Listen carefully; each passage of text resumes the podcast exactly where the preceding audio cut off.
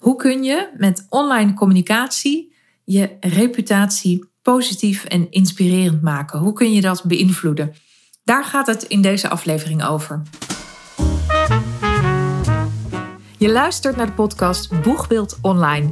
Mijn naam is Marieke Jans en ik inspireer je heel graag om een mooie, krachtige, positieve online reputatie op te bouwen. Speciaal als je het boegbeeld bent of graag wilt zijn van jouw merk of organisatie.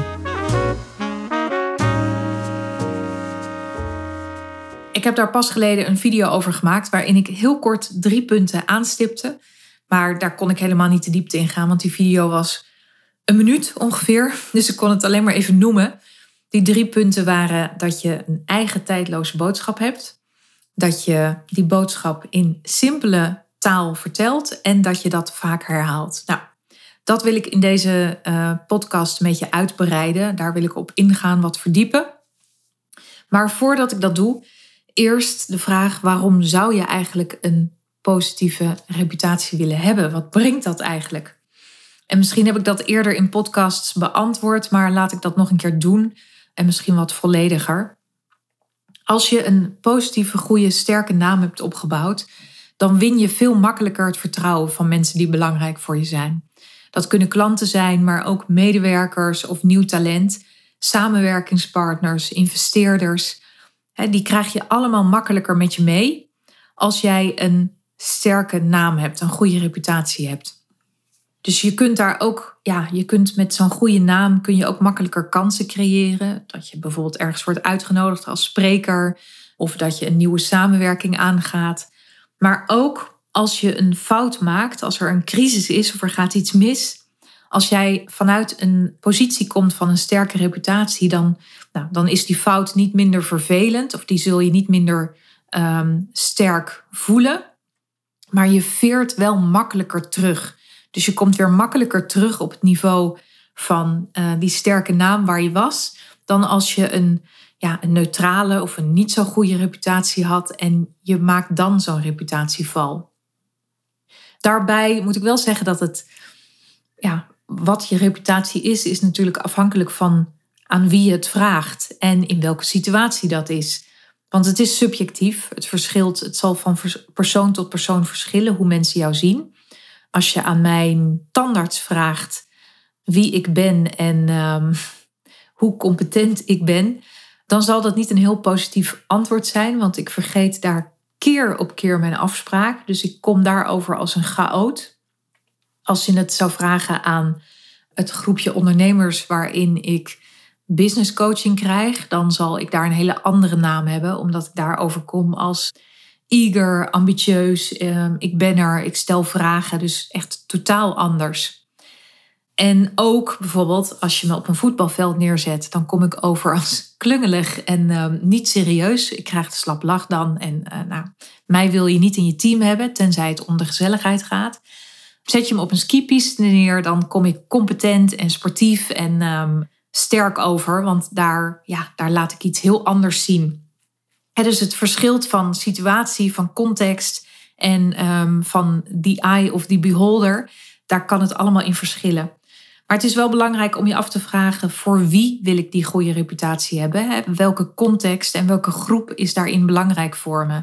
En ja, hoe kan ik me daarop richten? Want ik denk dat het bijna onmogelijk is om overal een fantastische naam op te bouwen. Er is altijd een gebied, een plek, een, ja, een, een groep voor wie dat anders zal zijn. En dat is ook oké, dat maakt ons mensen en dat hoeft dus ook niet het streven te zijn. Maar voor de groep die belangrijk voor je is, is het natuurlijk interessant om te kijken hoe bouw ik daar dan die mooie naam op die me helpt. Want een goede reputatie helpt je ook om impact te maken. Dus om mensen met je mee te krijgen, mensen met je mee te krijgen in jouw verhaal en de richting die je op wil. En daarmee laat je een footprint achter, of daarmee creëer je een footprint. En um, ja, ga je natuurlijk niet ongemerkt, of gaat dat wat jij voor elkaar wil krijgen niet um, ongemerkt voorbij. Nou, voor de meeste mensen geldt dat ze een neutrale positie hebben. Dus dat betekent dat we hen niet als uitgesproken negatief zien, maar ook niet als uitgesproken positief. En dat betekent ook dat hè, van neutraal, je moet echt een fout maken, er moet iets misgaan, willen we je negatief gaan zien. En je moet dus ook echt iets positiefs, iets toevoegen om van neutraal naar positief te gaan. En dat klinkt als alleen maar goed en leuk, maar ik denk dat je ook bereid moet zijn om iets te riskeren als je van dat neutrale af wil stappen. Want het betekent dat je je kop boven het maaiveld uit gaat steken, dat je meer uitgesproken gaat zijn, dat je meer ruimte in gaat nemen en dat er dus ook mensen zullen zijn die daar iets van gaan vinden en ehm, ja, die dat niet als positief ervaren. Dus het is altijd neutraal is de veilige plek. En allebei die andere kanten op, um, ja, gebeurt er iets waardoor je die veilige plek verlaat. Nou, en wat moet je dan doen in communicatie?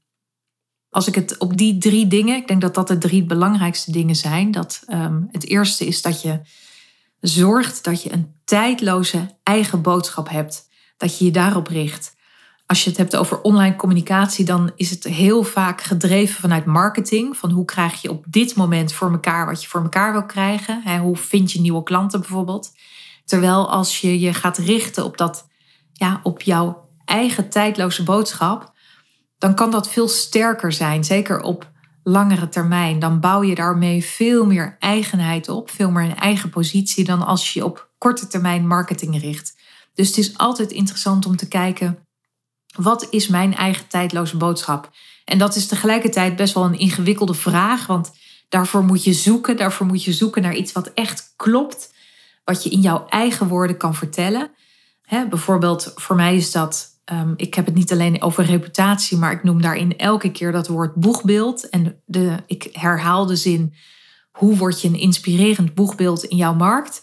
dat is mijn tijdloze boodschap die echt, als je deze podcast luistert of je leest wat verhalen van me of je hebt wat video's gezien, dan zul je deze boodschap herkennen, echt als mijn boodschap. Dus binnen jouw vakgebied, wat zijn daar, wat zijn daar de thema's die voor jou echt interessant zijn? En wat is jouw visie daarop? Wat is jouw plek daarin? Wat is jouw tijdloze boodschap daarin? Nou, nog een paar voorbeelden te noemen met iemand die ik begeleid, die leiderschapscoach is. Daarin hebben we het toegespitst echt elke keer op invloed. Dus zij praten over invloed. Dat is, daar zit haar tijdloze boodschap. Of voor een paar klanten die consultant zijn in duurzaamheid. Nou, daarvoor hebben we ook hun eigen domein, hun eigen thema opgezocht. Wat zit in de systeemaanpak. Door echt telkens uit te zoomen en in te zoomen naar de plek in het hele systeem. Dus dat laten we elke keer terug komen in de boodschap. En daarin zoeken we echt naar wat is dan, hè, hoe combineren we daarin jullie eigenheid en jullie kijken En hoe zorgen we ervoor dat zo'n boodschap niet te kopiëren is. Maar dat je je ook niet te veel door marketing laat beïnvloeden, omdat je daarvan, hè, als je je heel erg door marketing laat leiden in je online communicatie, ja, dat is het punt waarop we allemaal hetzelfde gaan doen en hetzelfde woorden en dezelfde woorden gaan gebruiken, maar ook dezelfde aanpak gaan gebruiken. Dus als je dat een beetje los durft te laten en je durft daar voorbij te gaan. Dus ook voorbij de vraag: hoe vind ik op dit moment hier en nu meer klanten? Maar veel meer kijkt: wat wil ik op lange termijn voor impact maken? Wat wil ik voor verhaal de wereld inbrengen? Wat voor boodschap heb ik? Als je daarop richt, dan kun je daarin veel onderscheidender zijn en veel meer je eigenheid vinden en bewaken. Maar er is altijd wel even tijd voor nodig en dat hoeft er ook niet in één keer te staan. Dat mag ook ontstaan doordat je verhalen vertelt en doordat je op zoek gaat naar jouw boodschap daarin. Tweede is dat je er niet bang voor bent om dat verhaal keer op keer te herhalen. Het zou super leuk zijn, of misschien helpend zijn, als je dat in één keer neer kan zetten en iedereen begrijpt het en onthoudt het meteen. Nou, dat is maar voor weinigen weggelegd om die situatie zo te creëren dat je dat voor elkaar krijgt heb even gedacht van wat is nou een goed voorbeeld van iemand die dat wel zo in één keer kon neerzetten. En toen dacht ik aan uh, Amanda, hoe heet ze? Gorman, Amanda Gorman. Misschien zegt die naam je wat, maar zij las dat gedicht voor bij de inauguratie van Joe Biden. En zij maakte natuurlijk ongelooflijk veel indruk omdat zij zo jong was. Maar ook de manier waarop ze dat deed. Het was haar eigen gedicht, maar ze gebruikte daar ook veel handgebaren bij. En ja, ze vertelde het echt zo overtuigend dat we haar, denk ik, nooit meer vergeten. Maar voor de meeste mensen van ons geldt dat je echt, ja, het is nodig om dat verhaal keer op keer te vertellen en daarbij elke keer voor herhaling te kiezen, waarbij je dan wel kijkt: oké, kan ik het vanuit een verschillende invalshoek vertellen nu? Heb ik er een ander voorbeeld bij? Kan ik een ander perspectief erop geven of een andere situatie hierbij vertellen? Maar ja, je moet er niet bang voor zijn om dat echt vaak te herhalen. En dat vinden mensen, in ieder geval de mensen die ik tegenkom, de mensen waar, waarmee ik werk, altijd best wel spannend om dat te doen. Omdat je heel vaak, um, je, je denkt al snel zelf van ja, maar dit heb ik toch al vaak genoeg verteld en dit weten mensen toch al. En daar kom ik weer met mijn verhaal. Maar voordat mensen het echt gaan snappen en voordat je een plekje verovert in het hart en het hoofd van de mensen die jij wil bereiken, ja, daarvoor moet je dat verhaal toch echt vaak vertellen. Je moet met regelmaat langskomen. Dus je moet daar niet voor terugschrikken voor die herhaling. Je moet er niet voor terugschrikken om ruimte in te nemen en met regelmaat ruimte in te nemen op de gemiddelde tijdlijn of op de tijdlijn die relevant voor je is. En dat is veel vaker dan dat je zelf denkt. Dat verhaal heeft veel meer herhaling nodig. Tegelijkertijd, als je daar je eigen woorden in vindt, je eigen invalshoek in vindt, dan kunnen bepaalde elementen daarvan best snel worden overgenomen. Als je hm, bijvoorbeeld het woord boegbeeld, ik praat er nog helemaal niet zo lang over, maar ik heb dat wel vaak herhaald. Maar het is eigenlijk al best wel snel dat mensen je daarmee associëren. Betekent nog niet dat ze de hele boodschap begrijpen. Daarvoor is echt veel meer herhaling nog nodig. Maar om zo een paar van die eigen woorden te hebben, waarmee mensen dan meteen aan jou denken, nou, dat kan best wel snel gaan als je maar durft te herhalen. En het derde tenslotte is dat je daarbij kiest voor heldere, begrijpelijke, simpele taal. Ja, wat er vaak gebeurt of wat er vaak misgaat of wat vaak een gemiste kans is, is dat we kiezen voor veilige taal en dat we in het verhaal wat we vertellen veel te hoog overgaan, het veel te abstract maken en daardoor ja, raakt het niet of daardoor zien we het plaatje niet voor ons of daardoor snappen we het niet goed. Je kunt veel beter een groot verhaal in kleine stukjes hakken en daar kleine voorbeelden voor, voor bedenken elke keer en het simpel houden. Nou, dat werkt veel beter dan in één keer een hele grote boodschap heel erg abstract vertellen. Maar dat is wel wat ik vaak, ja, wat ik heel vaak zie, dat toch de woorden en de zinnen en de, de opbouw te abstract is en dat het voorbeelden mist, dat het helderheid mist. En ik denk dat je als inspirerende leider kun je enorm onderscheiden door te kiezen voor klein, om het klein te houden, zeg maar iets groots te vertellen in een klein voorbeeld, in dichtbij taal. Als je dat kan, en dat kun je gewoon leren, dat kun je oefenen, je kunt kritisch naar je eigen teksten kijken. Je kunt kritisch kijken naar je eigen script op een video of naar je eigen speech die je gaat houden. Als je daar kritisch naar kijkt, dan kun je heel vaak, ja, kun je er nog heel veel abstractie uithalen en kun je het allemaal concreter maken. En hoe meer je dat durft te doen, en dat voelt dan als versimpelen vaak, maar ja, er kan ook heel veel nuance zitten in kleine voorbeelden. Door jouw grote punt in een klein voorbeeld te vertellen. En je brengt dat iedere keer weer. En je brengt daar iedere keer een ander voorbeeld bij, een andere invalshoek, een, andere, een ander perspectief. Je vertelt dat in simpele taal, dan ja, dat zorgt er natuurlijk voor dat we het begrijpen en dat we het ook, dat jouw woorden mijn woorden worden. Woorden worden. De een met dubbel O en de ander met enkel O. En dat ik het zelf ook weer na kan vertellen. Dus dat het ook een levendige plek krijgt in mijn hoofd. Omdat het taal is die ik, ehm, waar ik in mee kan gaan. Nou, dat betekent ook dat als jij een doelgroep wil bereiken die al heel erg in technische taal denkt en praat. Dan kun je daar natuurlijk wel hè, aan vasthouden. Maar dan nog denk ik dat het, als je er boven durft te gaan hangen. En je durft het te benoemen in simpelere taal dat dat prettiger is voor jouw publiek.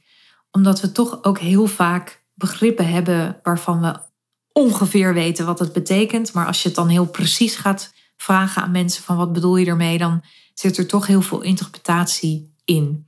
Dus als je het in kleine, simpele, goede voorbeelden kan vertellen met heldere taal, dan helpt dat je om, ja, om die krachtige, positieve, inspirerende reputatie op te bouwen.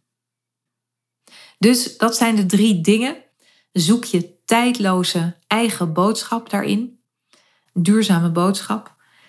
Durf te herhalen en vertel je verhaal in simpele taal. Als je dat doet, en dat is best ingewikkeld, maar ook te doen. En daarin kun je je ontwikkelen, dat kun je oefenen, daarin kun je jezelf verbeteren en daarin kun je jezelf ook kritisch bekijken in hoe jouw verhalen zijn, wat je daarin doet.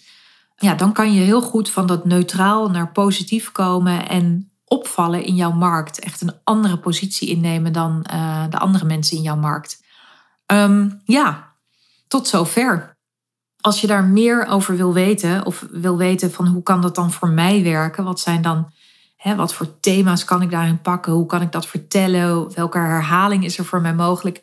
En je vindt dat leuk om dat samen te onderzoeken, dan ben je welkom voor een kennismakingsgesprek. Dan vertel ik je ook graag over mijn boegbeeld online traject, hoe ik mensen begeleid in het opbouwen van zo'n sterke, inspirerende plek als boegbeeld in hun markt. Ja, je kan me vinden via uh, LinkedIn, Instagram. Voel je vooral welkom om een DM te sturen. En als je een gesprek wil boeken, dan kan dat natuurlijk ook. Dat kan via mijn website, uh, marikejans.com. En als je wilt reageren op deze aflevering, vind ik ook heel erg leuk. Dat kan ook via DM op LinkedIn of Instagram.